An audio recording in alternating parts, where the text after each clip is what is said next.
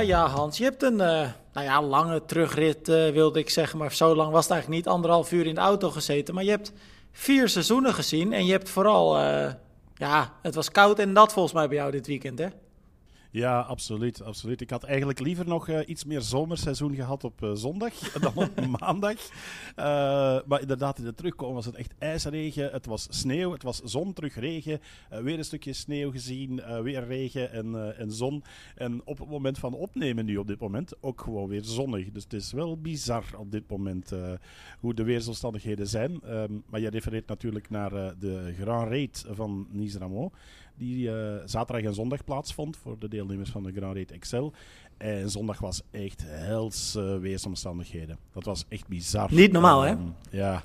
Als je, als je de foto's bekijkt en, en ook het verslag leest, uh, de atleten hebben afgezien. Er stonden atleten echt klappertandend op het podium. Zo lastig was het uh, in, in al die regen en de koude wind die ook de hele dag erbij bleef. Het was een, een heroïsche editie voor al diegenen die uitgedaan hebben. Vertel even wat het is, Hans. Want uh, ik heb het idee dat. Uh, nou ja, in Nederland is er volgens mij best wel een, een klein selectief groepje. Uh, wat deze wedstrijd kent.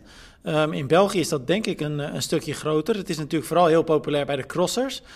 jij was speaker dit weekend, hebt genoten denk ik ook wel. Want het was een, een, een mooie en, en, spannende strijd. En, en ook wat jij zegt, misschien wel de meest heroïsche ooit. Maar wat moesten atleten doen? Want het is, het is geen normale triathlon. Nee, nee, klopt, inderdaad.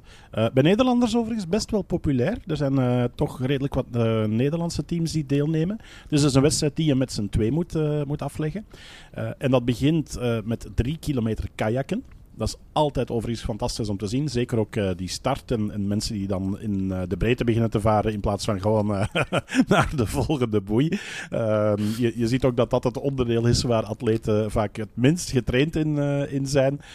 Ja, maar niemand heeft. Ik, ik denk dat niemand dat ook echt getraind heeft, waarschijnlijk, toch? Of?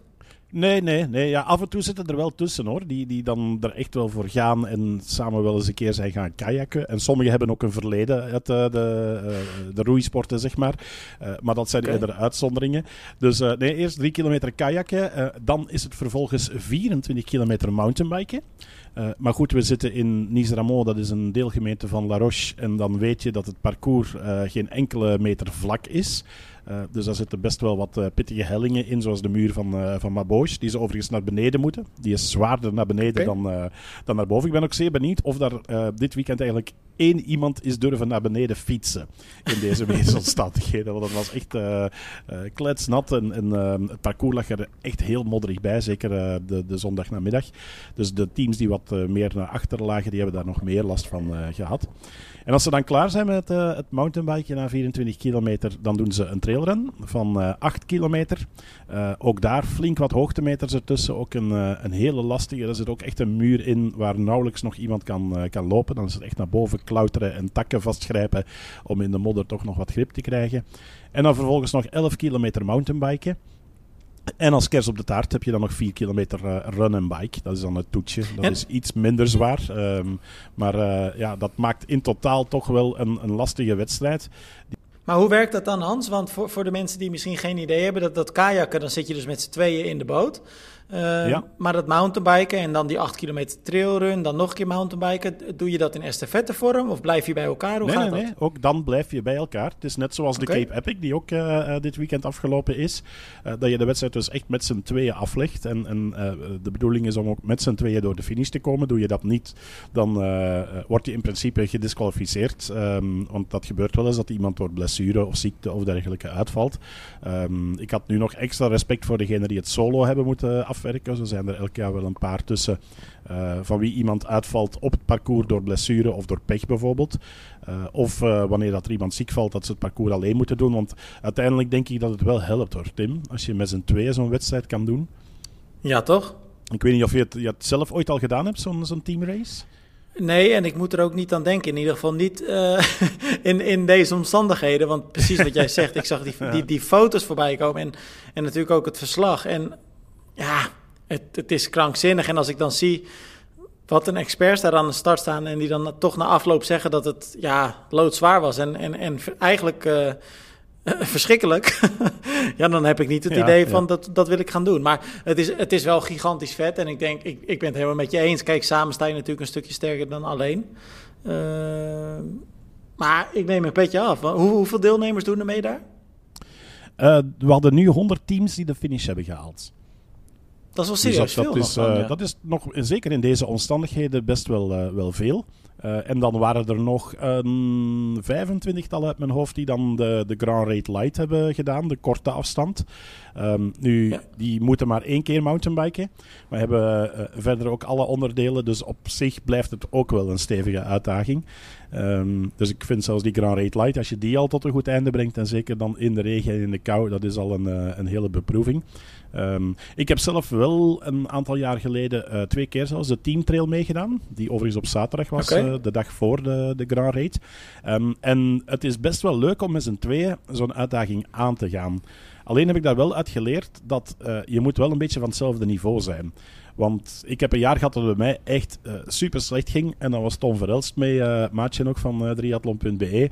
En, en die zat eigenlijk best wel goed. En die heeft dus dikwijls eigenlijk op mij moeten wachten. En ik voelde me echt super schuldig. Dus het is ook niet altijd even eenvoudig in zo'n teamwedstrijd om de krachten te verdelen. En, en wat wel helpt, is dat je elkaar constant kan blijven motiveren. Als je het echt niet meer ziet zitten en je teammaat praat wat op je in, dat is wel een hele goeie om het toch zelf ook nog heel goed te doen. Dat is natuurlijk ook een beetje wat je, wat je toch best wel vaak hoort terugkomen van triatleten die uh, aan een zeg maar, ja, normale teamrelay meedoen. Dus, dus een, uh, uh, dat eentje zwemt, eentje fietst, eentje loopt. vaak zijn atleten dan toch een beetje banger dat het die dag misschien net niet gaat. Of dat je technische pech hebt op de fiets bijvoorbeeld. Of nou ja, dat er iets misgaat. Omdat je daarmee niet alleen jezelf, maar ook je teamgenoten benadeelt.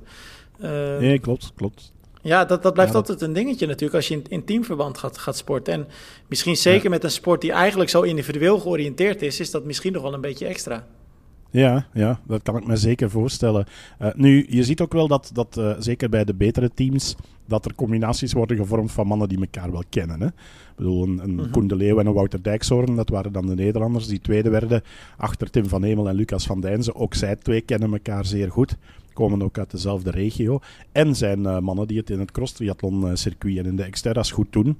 Um, daardoor, er was wel wat competitie, maar er heerste ook wel een heel gezellig sfeertje. Omdat dat mannen zijn die elkaar meermaals per seizoen uh, tegenkomen ook. Ja, dat, dat is grappig dat je het zegt. Want ik, ik, nou ja, ik zei net ook al, ik zag de foto's. En ik heb nu ook een van de foto's voor me staan. Dat ze allemaal, alle zes op het podium staan. Dus de zes mannen, de nummers 1, 2 en 3. Um, het ziet er inderdaad echt heel erg vrolijk uit vooral. En um, nou ja, wat we net ook al zeiden, de ja. omstandigheden waren daar niet per se heel. Fijn. Ja, dus maar dat is, het lijkt inderdaad heel erg een beetje een onsket onsfeertje. Maar dat klopt dus ook wel. Ja, dat is ook wel. Uh, langs de andere kant, de ploeg die, uh, die derde werd, dat uh, zijn in principe mountainbikers. Dus dat zijn okay. mannen die het in het Belgische nationale mountainbiken goed doen. Um, ik heb er nog een beetje mee zitten gekscheren, want um, ze maken deel uit van een team waar ook wat uh, cross-duatleten en triatleten in zitten. Uh, dus ik heb de mannen ook wel aangespoord van misschien te leren zwemmen. en ook eens aan het triathlon mee te doen. en dat zagen ze nog zitten ook, dus voilà, misschien hebben we daar toekomstige triatleten in, in gekneed. Maar ik vond het wel een opvallende, want die had ik eigenlijk verwacht dat die in het mountainbiken eigenlijk een verschil zouden maken. Maar uiteindelijk is het in het lopen dat ze eigenlijk er goed bij bleven. En ook in de run and bike hebben ze het gehaald van toch wel wat uh, cross-triathlon specialisten. Want het vierde okay. team, dat was uh, Julien Piron en Florian Badou. En Florian, dat is de organisator van de Xterra Belgium op de Citadel in Namen. Dus die is ook wel wat gewend qua hoogtemeters en qua parcoursen. Uh, maar ja, die waren ook wel iets minder getraind dan vroeger. Want uh, Flo was vroeger zelf ook wel een, een beloftevolle atleet. Uh, Julien is dat eigenlijk ook altijd geweest. nu zijn ze vooral heel sterk in het organiseren van, van wedstrijden. Dus het was al tof om hen er, ook, er ook bij te hebben. maar overal heb ik eigenlijk ja, allemaal fantastische prestaties gezien. Ik, ik vind als je dit in die omstandigheden beëindigt, dan, dan ben je een held. En in het geval van de dames uh, heldinnen. Uh, meerdere damesteams ook aan, uh, aan de start. echt wel mooi om, om te zien van, van hoe hard het met momenten gaat. En, en um, ik zeg het, het, het, beeld wat mij het meeste bijblijft is gewoon van mensen die zelfs met een, een dikke jas rond zich op het podium stonden, waarvan het, het, het geklapper van de tanden luider klonk bij momenten van hetgeen wat ik door de box aan het zeggen was. Dat, dat zegt wel al iets. Maar hoe was het voor jou dan? Want jij hebt ook een paar uur daar in de kou gestaan. En in tegenstelling tot die atleten, jij staat stil. Ja, ik had het bij momenten ook wel koud. Ik ben zoveel mogelijk uh, in. Uh, ik heb een triathlon.be microfoonwagen.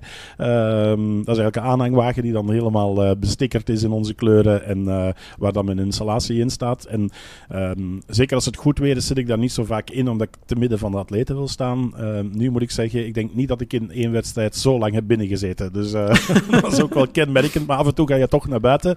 En ook met die, die podiumceremonie, als je vijf minuten buiten stond, dan de kou krop overal in. Want de regen was best wel lastig, maar door de wind bleef je constant kou hebben. En, en je, je vond bijna nergens beschutting. Dus dat was echt wel verschrikkelijk. En dat zag je ook bij de atleten die, die gefinished waren. Want dan ben je klaar en dan ben je niet meer aan het bewegen. En, en kan je je echt absoluut niet meer warm houden. Dus dat, uh, ik heb ook nog nooit zo vaak mensen die, die vlak na de finish gewoon nog heel snel iets aan de eindbevoorrading meegristen. En dan spurtje nog inzetten uh, naar de auto om iets warms te gaan aantrekken. Uh, dus dat, dat is heel opvallend.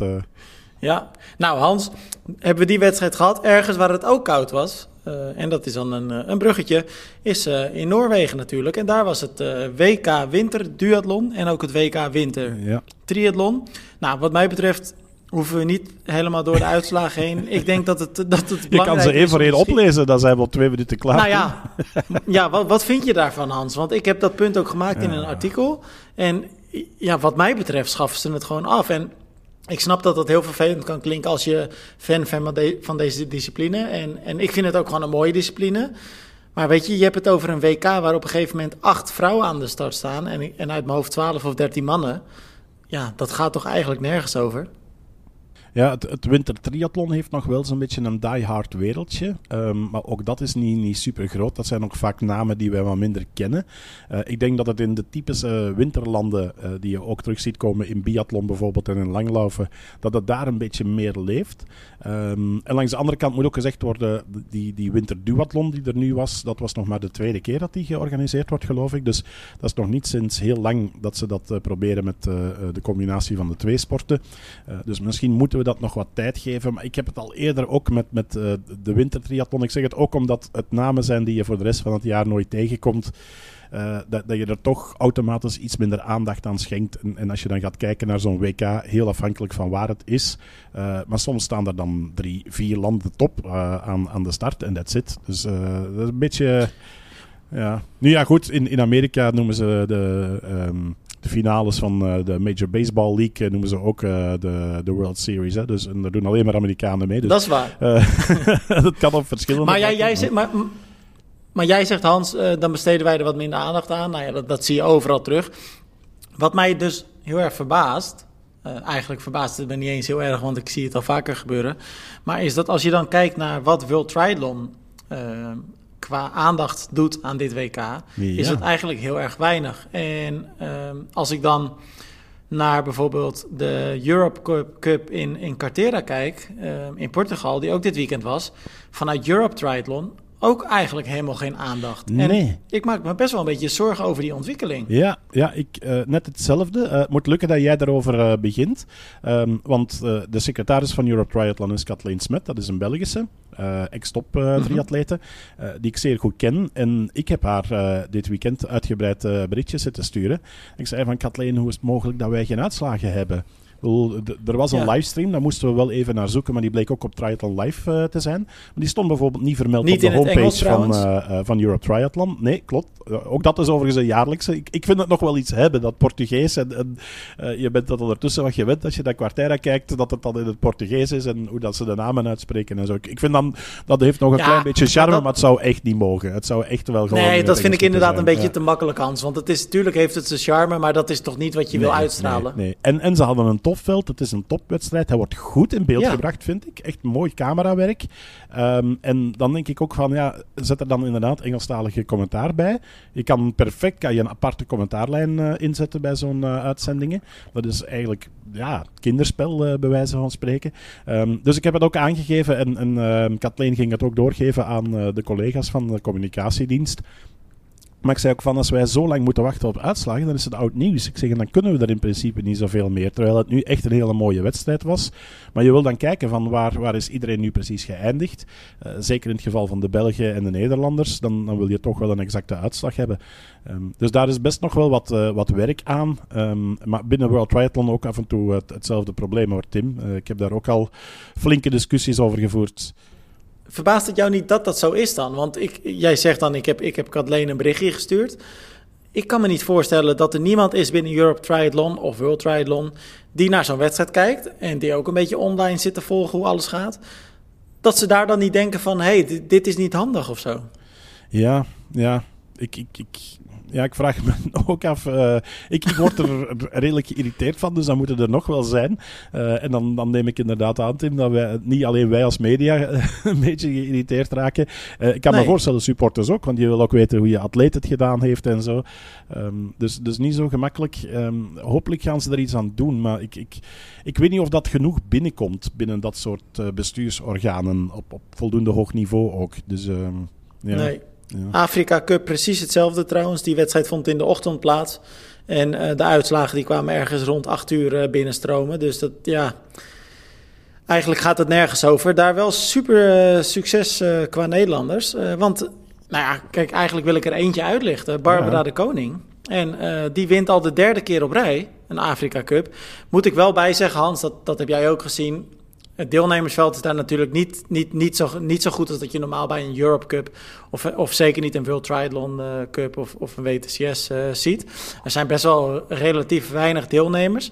Maar goed, uh, je moet nog steeds van hele goede huizen komen ja, als je zo'n wedstrijd wint. En, en zeker als je je bedenkt dat ze voor de tweede keer op rij landgenoten Rachel Klamer verslaat. Ja. Waarbij ik natuurlijk wel eventjes de kanttekening ook gemaakt moet hebben, is dat Rachel Klamer in, echt wel in de opbouwfase nog is. Uh, terugkomt van een uh, toch wel uh, vervelende blessureperiode. Heeft net COVID ook nog gehad. Dus ja, die is ook natuurlijk niet op de allersterkst. Maar het zal voor Barbara een hele flinke opsteker zijn, denk ik. Ja, ja absoluut, absoluut. Ik was um, nog even aan het kijken daar straks van wat er volgend weekend op het programma staat. Want we hebben nu een paar drukke weken gehad. Volgende, volgende week lijkt het me net iets rustiger te zijn. Ja. Maar er is wel de Afrika Cup in Troutbeck. En daar staat met nummer 1 op de deelnemerslijst Barbara de Koning. Dus ik ben ook zeer benieuwd of ze daar voor vier of vier gaat gaan. Maar ik, ik vind het knap, een Nederlandse die dan drie wedstrijden in die Afrika Cup op rij wint. Ja, dat is echt wel, uh, echt wel mooi om te zien. Wat dat betreft, als ik dan terug ga naar Cartera... Um, corrigeer me vooral eventjes als ik het uh, fout heb... maar volgens mij niet echt Belgisch succes. Helaas ook geen Nederlands succes. Dus wat dat betreft was Cartera misschien een beetje een tegenvaller voor ons. Ja, ja, nee, dat klopt wel. Dat klopt wel. Ik wil overigens nog heel even terug naar, uh, naar Afrika gaan. Omdat, want je zei net van het zijn niet de grootste deelnemersvelden. Maar wat mij opviel, en dat is nu eigenlijk al een paar weken naar elkaar, is dat er toch wel wat verschillende nationaliteiten aan de start staan. En ook meer en meer Europese. Klopt. En ik krijg de indruk, Tim, dat, dat Afrika een beetje een nieuwe triathlonbestemming aan het worden is. Jullie doen het al langer, hè? Met Nederland naar, ik dacht Namibië dat de meeste trainingsstages gaan. Ja, vanuit inderdaad de bond gaan er heel vaak uh, gaan ze daarheen. Uh, uh, Zuid-Afrika is natuurlijk ook heel populair bij best wel wat Nederlandse triatleten die daar overwinteren. Stellenbos. onze snelste Nederlandse man op de long distance, Evert Scheltinga, gaat daar bijvoorbeeld ieder jaar een paar maanden heen. dus dat is best wel populair inderdaad maar qua wedstrijden zie ik dat eigenlijk niet echt terug. En um, het viel me inderdaad nu ook op dat er iets meer Europese uh, atleten aan de start stonden. Mm -hmm. um, dus wat dat betreft is het best wel interessant om te zien wat daar gebeurt. Hoe, hoe zit dat in België? Is dat ook populair of niet? Uh, nee, wij, wij, hadden Raf de Dobbelaar, jong talent, die uh, deel heeft genomen. Zesde werd in de... Um, uh, wacht hoor, ik ga, ga er zo opkomen, want ik zat er straks nog aan te denken van, toen mij zo'n beetje denken aan uh, het, het, Vlaamse uh, gezegde van kop of munt. Hè? Als je een, um, yeah. een, een, een, cent, een, een, geldstuk, ik was even naar de Nederlandse term aan het zoeken, als je een geldstuk opwerpt, dat je dan kop of munt kiest. Dus ik dacht, oké, okay, dus swa muntkop was het, of swa kop munt, een van die twee. Dat laatste inderdaad. Ja, ja. Uh, dus daar werd eraf uh, toch mooi, uh, mooi zesde. Dus dat is wel, wel goed okay. gedaan van hem. Um, maar heel vaak gebeurt het niet. wat we wel zien af en toe is dat de Franstalige triatleten wel eens naar de wedstrijd in Noord-Afrika trekken. Maar dan praat je dus over uh, Marokko en, uh, en omstreken. Uh, maar verder dieper Afrika in. Bij jullie is er ook natuurlijk nog altijd denk ik een klein beetje een band met Namibië als, als vroegere kolonie, toch? Ik ik ben niet per se helemaal thuis in, in uh, de historie van de kolonie. Maar volgens mij is Namibië geen kolonie van ons. Kijk, Zuid-Afrika hebben we natuurlijk wel verwevenheid mee. Ja. Maar Namibië niet, denk ik. Ah, oké. Okay. Omdat je daar toch redelijk wat Nederlands klinkende namen aantreft, dacht ik van misschien is dat vroeger. Uh, nou, misschien, misschien, misschien krijgen we uh, straks allemaal mails, Hans, dat, dat het wel zo is. Maar dan, dan zullen we het volgende week zeggen. Maar voor zover ik weet, niet. Maar ja. ja, wat ik net zei, het is wel een beetje het, het, is wel gewoon een beetje een, eh, een regio waar, waar veel Nederland... Ja, veel, kijk, het is natuurlijk een, een betrekkelijk uh, begrip... maar waar best wel wat uh, Nederlanders heen gaan. Kijk, als je naar de Nederlandse hardlopers kijkt... die zitten natuurlijk ook best wel regelmatig in uh, Kenia bijvoorbeeld. Ja, en dat zijn allemaal landen die dan, nou ja, tussen haakjes relatief dicht bij elkaar in de buurt liggen. Allemaal natuurlijk Afrika. Um, dus... Ja, en, en ik herinner me net ook dat Victor Kampenaerts in het jaar van zijn wereldrecordpoging dat hij toen ook zijn hoogste stage in Namibië heeft gedaan. Oké, oh, dat wist ik eigenlijk niet. Ja, omdat het daar, hij zei, dat is het rustiger, daar zit je goed op hoogte en, en word je eigenlijk door niemand lastiggevallen, geen pers en zo eromheen. Um, dus dat was toen de reden dat hij naar Namibië is, uh, is getrokken. Um, ik vind dat best dus wel een dingetje hoor, want het is, wat jij zegt, het is daar, je, je bent eigenlijk inderdaad best wel afge schermt van alles en iedereen. Ik heb zelf een keer uh, vanuit, de, vanuit de, uh, de media ben ik een keer meegeweest met UNICEF. Zij organiseerde toen een, een marathon in de Rift Valley in Kenia dus. Dat is eigenlijk waar, waar al die toplopers vandaan komen. Ehm, ja. Ik heb daar toen anderhalve week of zo gezeten. En dat was echt wel heel gaaf. En toen zaten we op dat trainingscenter van uh, Lorna Kiplagat. En dan zag je mhm. ook, hebben we een paar trainingen met van die uh, mar, nou, marathonlopers uh, mee mogen doen. Uiteindelijke winnaars van Rotterdam werden dat ook uh, twee, drie jaar later.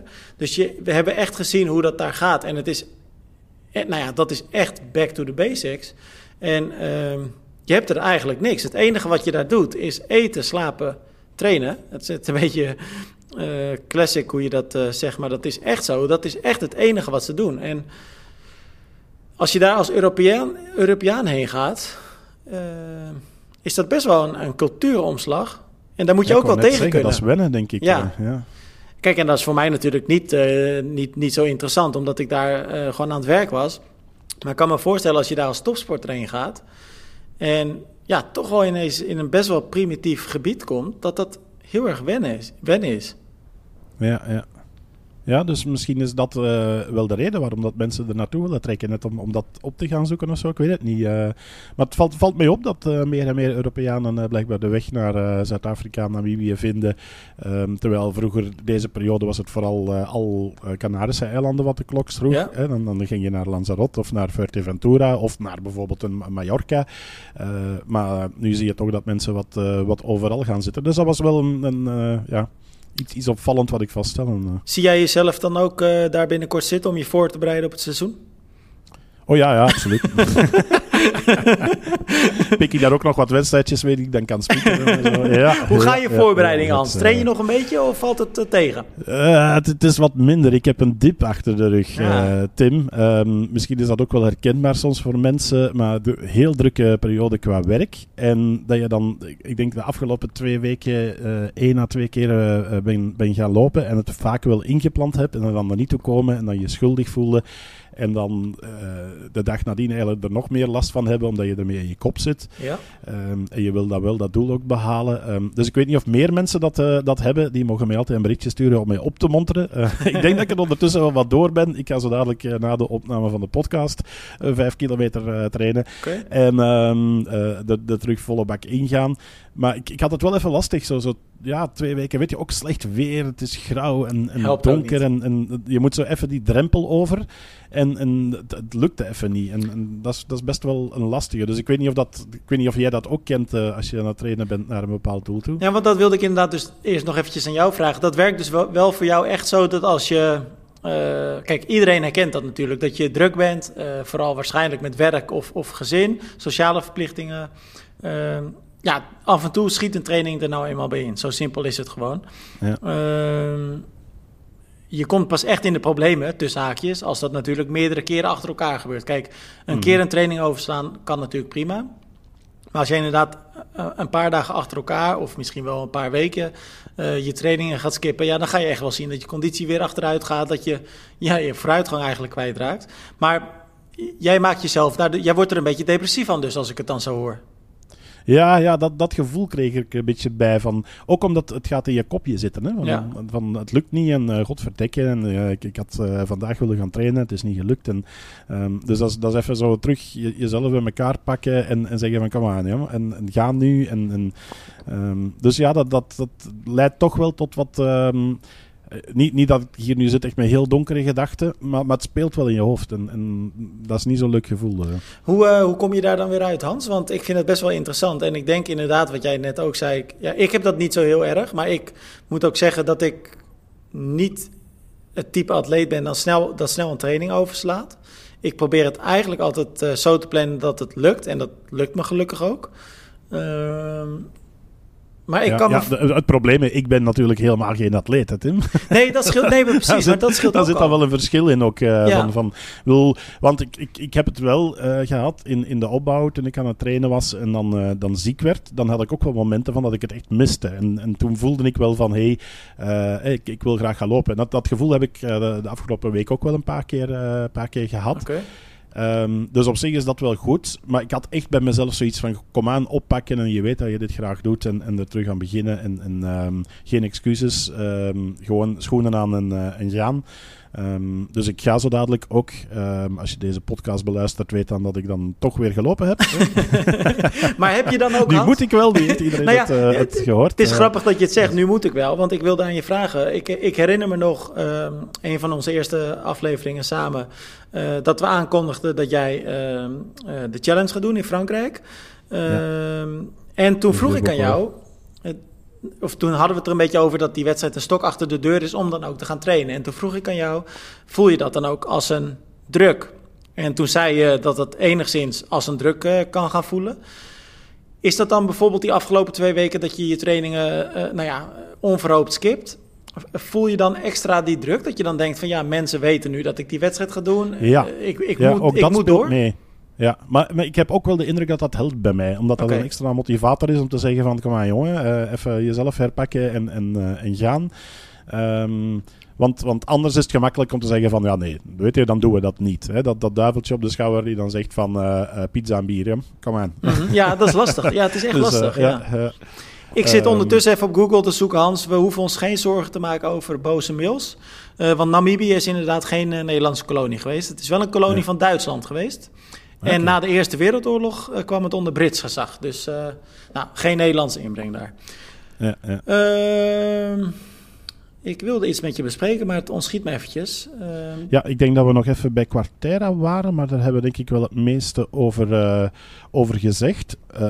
Ik had daar nog wel één dingetje bij, want ook dat tegenwoordig, ik bedoel, als we het over de Noorse methode hebben en de Noren, dan hebben wij het over twee mannen, ja. Christian Bloemenveld en Gustav Iden.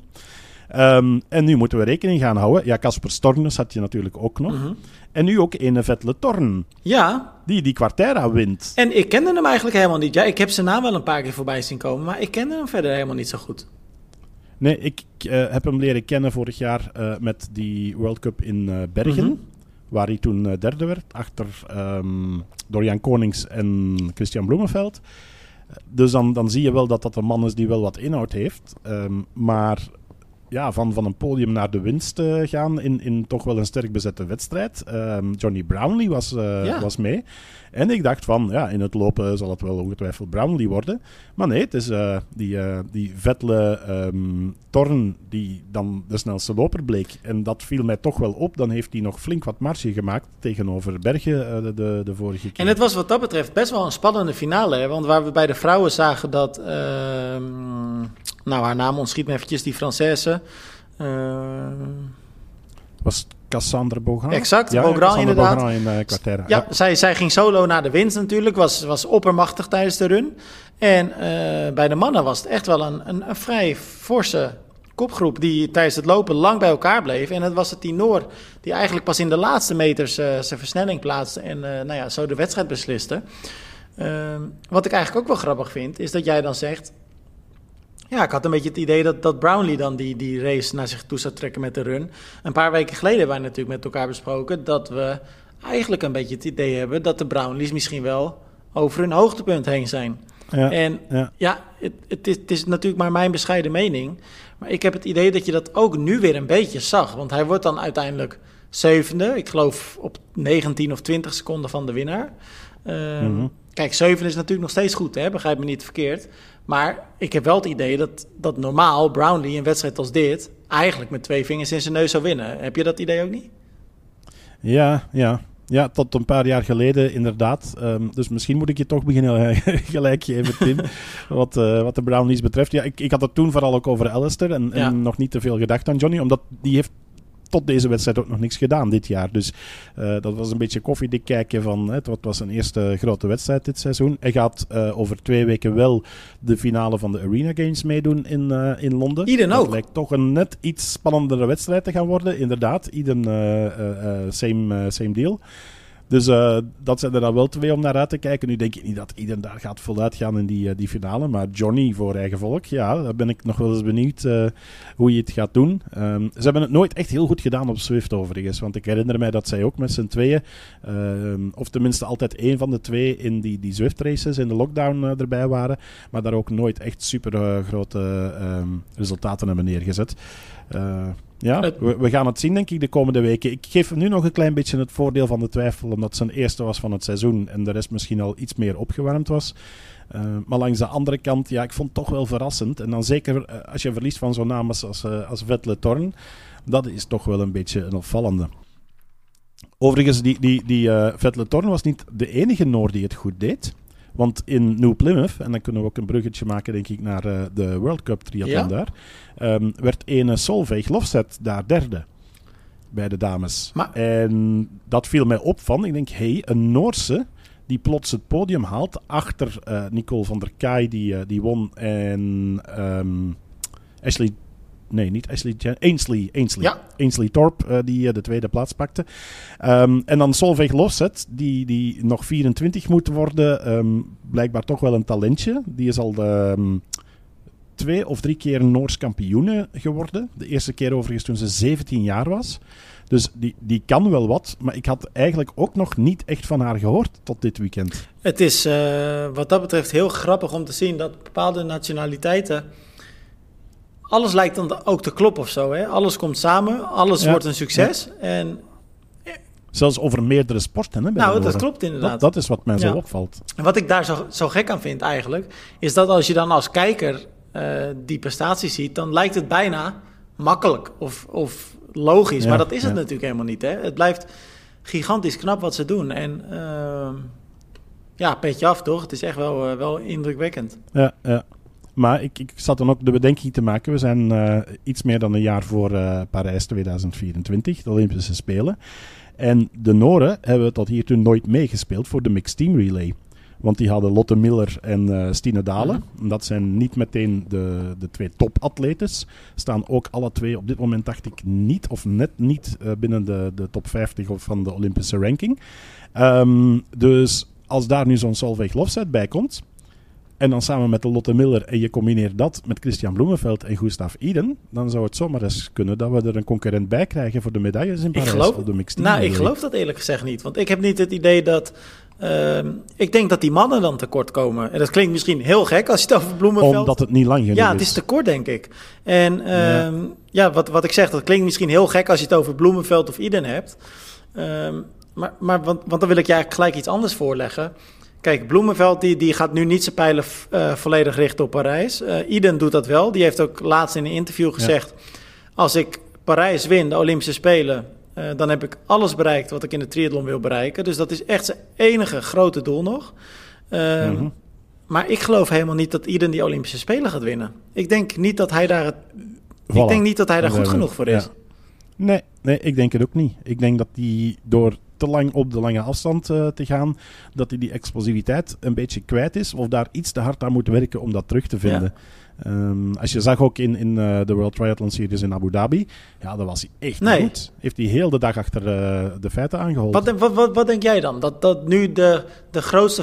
Stel, morgen is de Olympische Spelen. Uh, en dan even ervan uitgaan dat iedereen gewoon fit is en goed getraind. Wie denk jij dan dat de grootste favoriet zou zijn?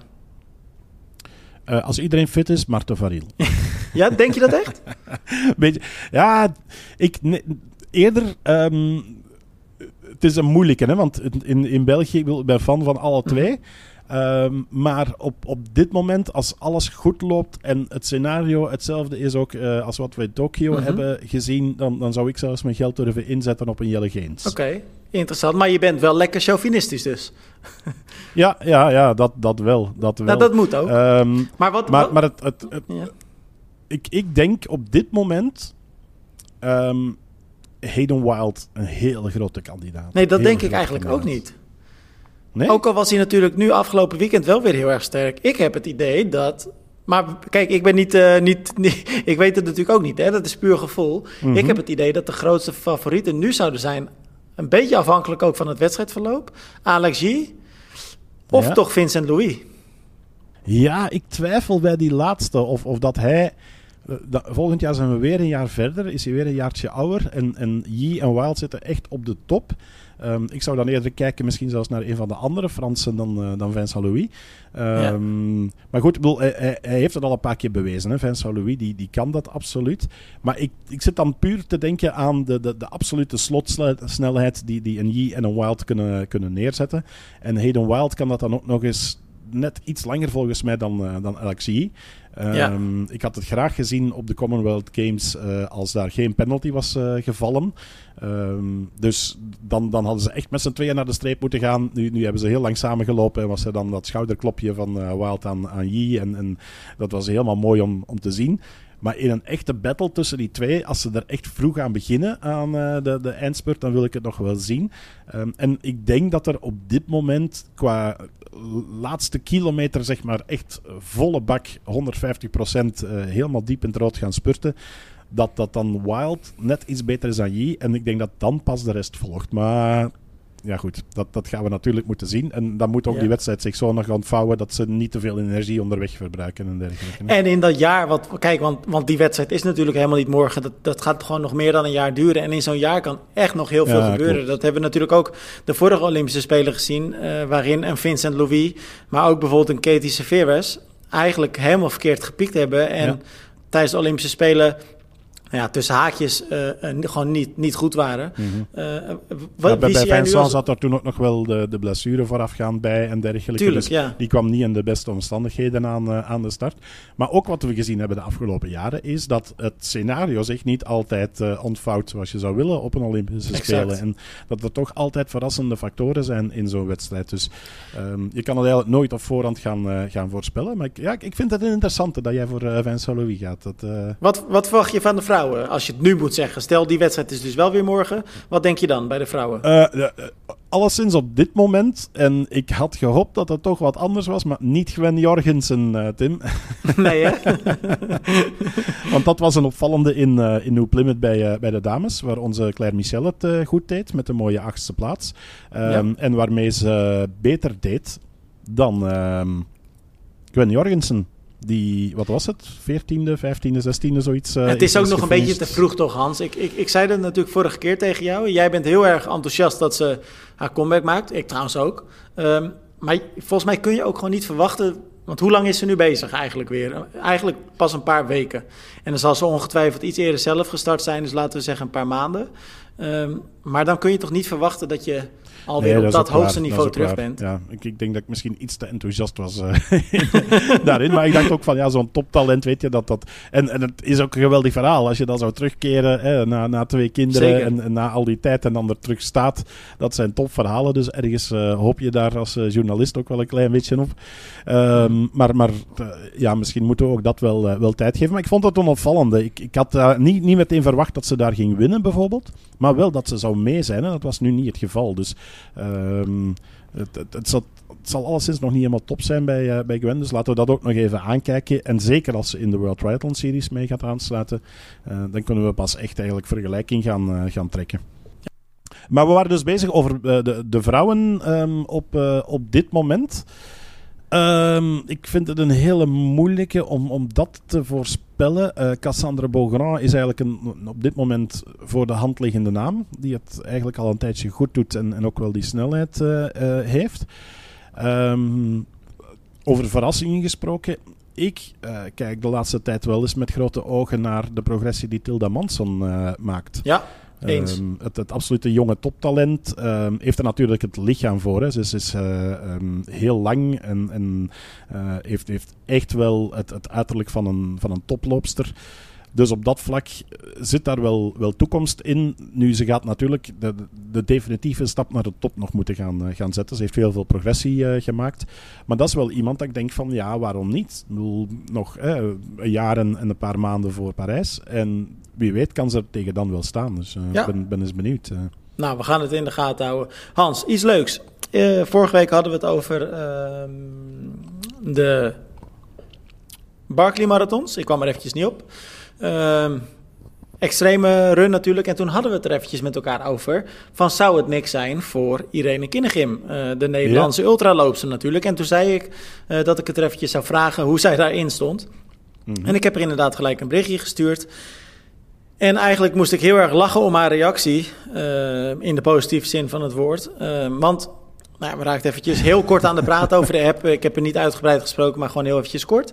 En um, ik noemde natuurlijk vorige podcast ook al uh, een aantal van haar prestaties die ze heeft volbracht. Waaronder de Spine Challenger, 257 kilometer die ze onder echt extreme omstandigheden, sneeuw, ijs, kou, mm -hmm. uh, volbracht en ook won. Um, dus ik vroeg, is het niks voor jou?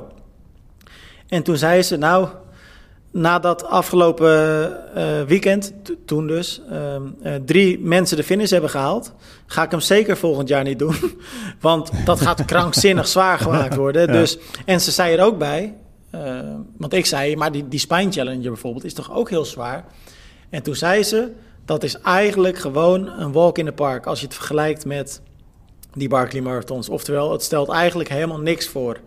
En dan heb je het dus over een loodzware run van 257 kilometer. Mm -hmm. En uh, ja. toen zei ik, meen je dat nou? En toen zei, nou ja, toen zei ze, ja, dat, dat, ze moest erom lachen. En ze zegt, echt, de Barkley Marathons is de Barkley Marathons. Het is echt gewoon insane. Dus ja, nou, duidelijk, toch? Ja, ja inderdaad, inderdaad. Ik heb ook mijn uh, huiswerk gedaan, Tim. Uh, eh, want jij ging het aan Irene vragen. Uh, en ik had gezegd, ik ga het aan Seppe Odijn vragen. Ja. omdat er ook bij ons hadden mensen gereageerd van, is dit niks voor, voor Seppe? um, dus hij was blij met de vermelding en dat, dat mensen hem vernoemen. maar hij zei ook meteen tegen mij, zei, de Barclays is niks voor mij. Je, um, je En dan niet zozeer omdat het te zwaar is. Mm -hmm. Maar, hij zei, oriëntatie is niet mijn sterkste punt. Okay. Ja. ja. want hij is onlangs uh, is hij nog eens het looprondje in Kasterlee gaan doen. Hij zei, ik heb dat toch al een uh, keer of 33 gedaan ondertussen, want hij heeft daar uh, tien keer gewonnen. Hij zei, en ik ben er verloren gelopen. nee, dan moet je niet naar de Barclay.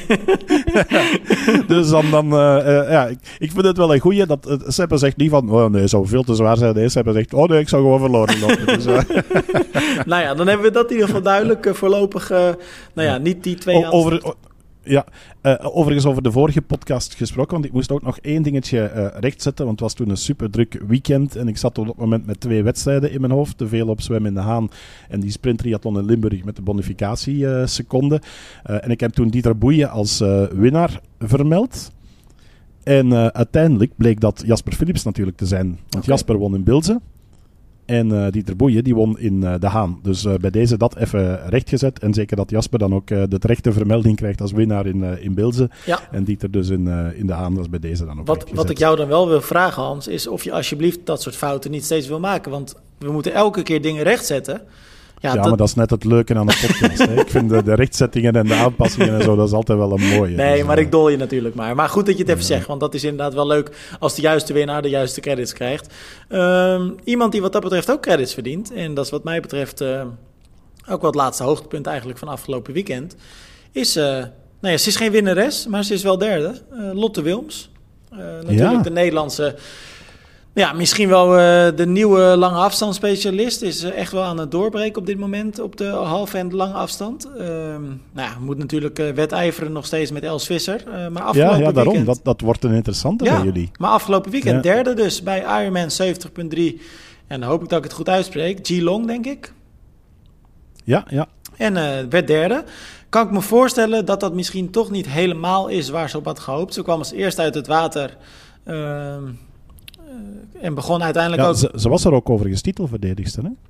Dat weet ik eigenlijk niet of dat zo is. Ja, dacht ik wel. Oké, okay, zou dat kunnen. vorig jaar gewonnen heeft, maar... Dat zou kunnen, maar dat, dat zou ik eventjes op moeten zoeken. Uh, maar ze begon uiteindelijk samen met Grace Tech en uh, Radka Kaleveld aan de halve marathon. Ze kwamen met z'n drieën van de fiets. Ook niet de minste overigens.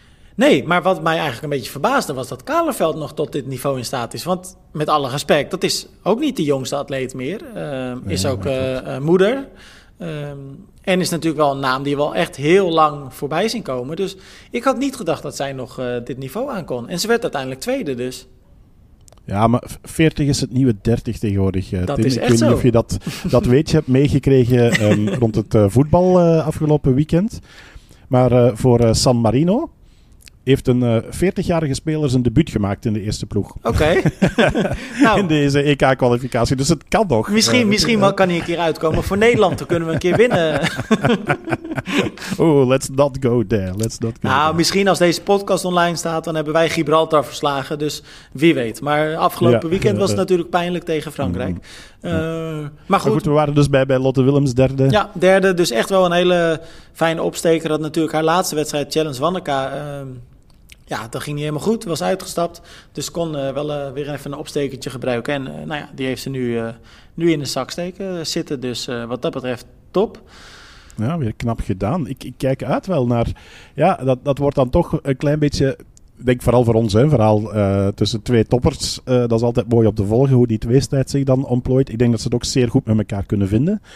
Uh, Els Visser en, en Lotte Willems. Um, maar het, wel goed om te zien. Ik, ik vind het echt mooi Ja. dat, jullie weer zo, zoveel toptalent hebben op, op de langere afstand. Dus Waar ik, dat is, dat is alleen maar goed. waar ik naar uitkijk, Hans, is... maar dan moeten we nog wel eventjes wachten, namelijk tot 22 april. Challenge Gran Canaria. En Ja. uh, waarom? Het is echt een deelnemersveld waar je u tegen zegt. Het is echt krankzinnig gewoon. Ja, hè? Ja. Het is echt niet Ja, ik normaal. vind het ook opvallend. Uh, het is natuurlijk, het is lekker vroeg in het seizoen ook nog. Um, dus dus uh, redelijk wat atleten die zich nog met elkaar willen meten. Uh, maar dat begint er zeer goed uit te zien. Mooi, mooi veld. Ja. Um, Ik zal even Ja, wat namen noemen voor de mensen die het misschien niet gezien hebben. Patrick Lange, Sam Laidlow, Florian Angert, Aaron Royal, Pablo de Peña González, Jan Stratman, Ruben Sepuntke, Andy Draait, Ruth Estel, Alexandra Tondeur eh, voor België, dus dat is ook tof. Elisabetta Curidori, Charlene Klevel, eh Margie Santimaria. En voor- qua- Nederlanders hebben we ook echt wel wat toppers. Juri Keulen, Evert Scheltiga, Milan Brons, Diede Diederix. Dus ja, dat wordt echt wel een hele vette wedstrijd. En ehm, ja, wie is de grootste favoriet? Hans, ik denk toch wel Sam Laidlow dan hè, bij de mannen. Eh, in principe wel. Het is een fietsparcours wat hem ligt. Maar Aaron Royal. Dat Ook is het trainingsmaatje van uh, Marten Varil. Die zijn bijna ja, beste vrienden, uh, kun je ze wel noemen. Um, nog niet zo lang op de lange afstand. Uh, dus ik, ik, ben zeer benieuwd wat hij daar gaat, gaat doen. En dan, dan zeker op Gran Canaria, wat toch wel een ja, heel lastig parcours is. En een hele mooie wedstrijd uh, met dit deelnemersveld. Dus het zou zomaar eens een verrassing kunnen zijn dat, uh, dat Aaron Royal hem daar pakt. uh. Het is gek hoe dat gaat, Hans. Dat sommige wedstrijden dan ineens... Door, nou ja, het is, kijk, Gran Canaria was natuurlijk altijd wel, had altijd een mooi veld. Twee jaar terug nog bijvoorbeeld nog Frodeno die, die daar won. Um, maar het is wel een beetje ineens dat er dan gewoon meer dan, nou ja, eigenlijk tientallen topatleten aan de start staan. Dat is gek hoe dat dan gaat. Het lijkt toch wel alsof die atleten dan ook met elkaar gewoon zoiets hebben van... we gaan allemaal daarheen en dan kijken we wie de beste is of zo. Ja, ja. en dan, dan hoop ik dat alle camera's op die topatleten gericht zijn. Want was Gran Canaria niet die wedstrijd waar we zo uh, een hele tijd twee uh, Spaanse commentatoren in beeld kregen? En af en toe beelden van de atleten ertussen. Ik vraag me af of dat Gran Canaria of Mallorca was. Ja, één van die twee. Ja, dat, uh, maar dat was ja, toen heel slecht inderdaad. Ja, maar ik vond het, het was ook super grappig en al die reacties er toen op. Dus het, het was eigenlijk zo slecht dat het weer leuk werd. Ja, maar jij, jij, jij kunt daar nog... Ik, nee, ik heb dat helemaal niet. Ik vind dat echt tenen krommend slecht dan. En ik vind daar dan ook gewoon niks grappigs aan. Want dan denk ik bij mezelf, er is...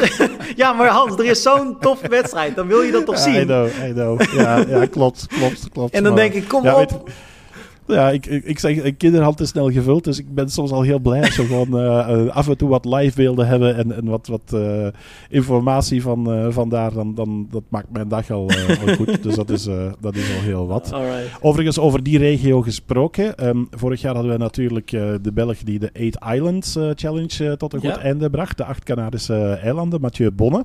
Ehm, daar hebben wij maandag ook een uitgebreid stukje over eh, gebracht. Die heeft alweer een nieuw wereldrecord gevestigd. En we hebben het er vorige week nog met elkaar over gehad wat jij vindt over rare wereldrecords en Ja. dat het er allemaal veel te veel zijn. Eh, maar Mathieu is natuurlijk deelnemer geweest in Campoise. Heeft eh, wel een naam die klinkt in België. Dus ook in de media was er veel aandacht voor. Heeft ehm, het langste aantal kilometers op een week unsupported afgelegd in, in Arizona, in Amerika. Speciaal daar naartoe getrokken, omdat normaal gezien daar nauwelijks wind of regen is. En wat hebben ze de hele week gehad? Ja, slecht weer Wind dus. en regen, precies. dus het waren lastige omstandigheden en noemden het zelf ook het eh, eh, zwaarste op mentaal vlak, eh, maar ook op fysiek vlak wat hij ooit gedaan heeft. Wat is het maximum aantal kilometers wat jij al op één dag hebt gedaan, Tim? Qua fietsen dan? Of Ja, eh, op één dag? Eh, nou ja, dat is een lastige. Binnen of buiten? Want ik heb, ik heb natuurlijk binnen heb ik die eh, 24 uur Zwift-rit gedaan. Toen kwamen we tot 716 kilometer. Non-stop. dus dat was, dat was Ja, ook krankzinnig. En buiten heb ik eh 301 kilometer. ja, wow. Ja, een 300, dat is natuurlijk ook al dat is een dingetje onder veel atleten om die, die 300 te halen. Mhm. Nu, Mathieu heeft er gemiddeld meer dan 500 per dag gedaan. Ja, waarbij één dag 570. En die zat gemiddeld tussen de 17 en de 19 uur op de Dat fiets. is echt bizar. En de laatste dag meer dan 20 uur. Tja. En dan denk ik van, ik bedoel, na die 300 kilometer, ehm, je kont, dat, die, die voelt toch gewoon als, als schuurpapier aan, hè? Ja, dit, het is, ik, vind het, ik vind het echt bizar. Maar weet je wat het raar is, Hans? Dit zijn ook eigenlijk ehm, ja, afstanden waar je je gewoon geen voorstelling van kunt maken. Want Nee. Ik, kijk, bijvoorbeeld bij ons in Nederland hebben we natuurlijk... ehm, ehm, nou, ik heb wel een beetje de dag dat ik de namen vergeet. Ehm, Dat is niet erg, in een podcast mag dat. nou ja, ik vind het altijd een beetje stom. Eh, Maarten van der Weijden, eh, natuurlijk Ja, Olympisch kampioen open waterzwemmer Mhm. geweest. Toen de overstap eh, gemaakt naar de, beetje de triathlon. En die heeft dit ook geprobeerd. Die wilde, ik zou even moeten nazoeken eh, wat, wat hij precies wilde verbreken, verbreken, maar ook een, een record fietsen. En toen wilde hij elke dag 500 kilometer doen. Maar hij stopte al na de eerste dag. En toen had hij geloof ik 400 of 500 dan ook gehad. Maar toen had Ja. hij dus zo'n pijn aan zijn nou ja, zitvlak, om het netjes te zeggen, Mhm. dat hij gewoon niet door kon. Ja. Ja, als je dan 3619 kilometer in één week fietst, wat, wat Mathieu Bonne dus gedaan heeft, het, het is, je kunt je gewoon echt niet voorstellen. Nee, dat, ik, ik vind dat ook echt, echt bizar. Nu, je zag ook eh, op, op de Instagram van Mathieu al de hele week dat die eerste dag ook wel super zwaar was. En dat hij toen ook al eh, bericht eh, gaf van, van waar ben ik in hemelsnaam aan begonnen en ga ik dit wel kunnen afwerken. In tranen, ook omdat het toen al, al blijkbaar slecht weer was en, en dat hij zoiets had van ik ga dit nooit halen.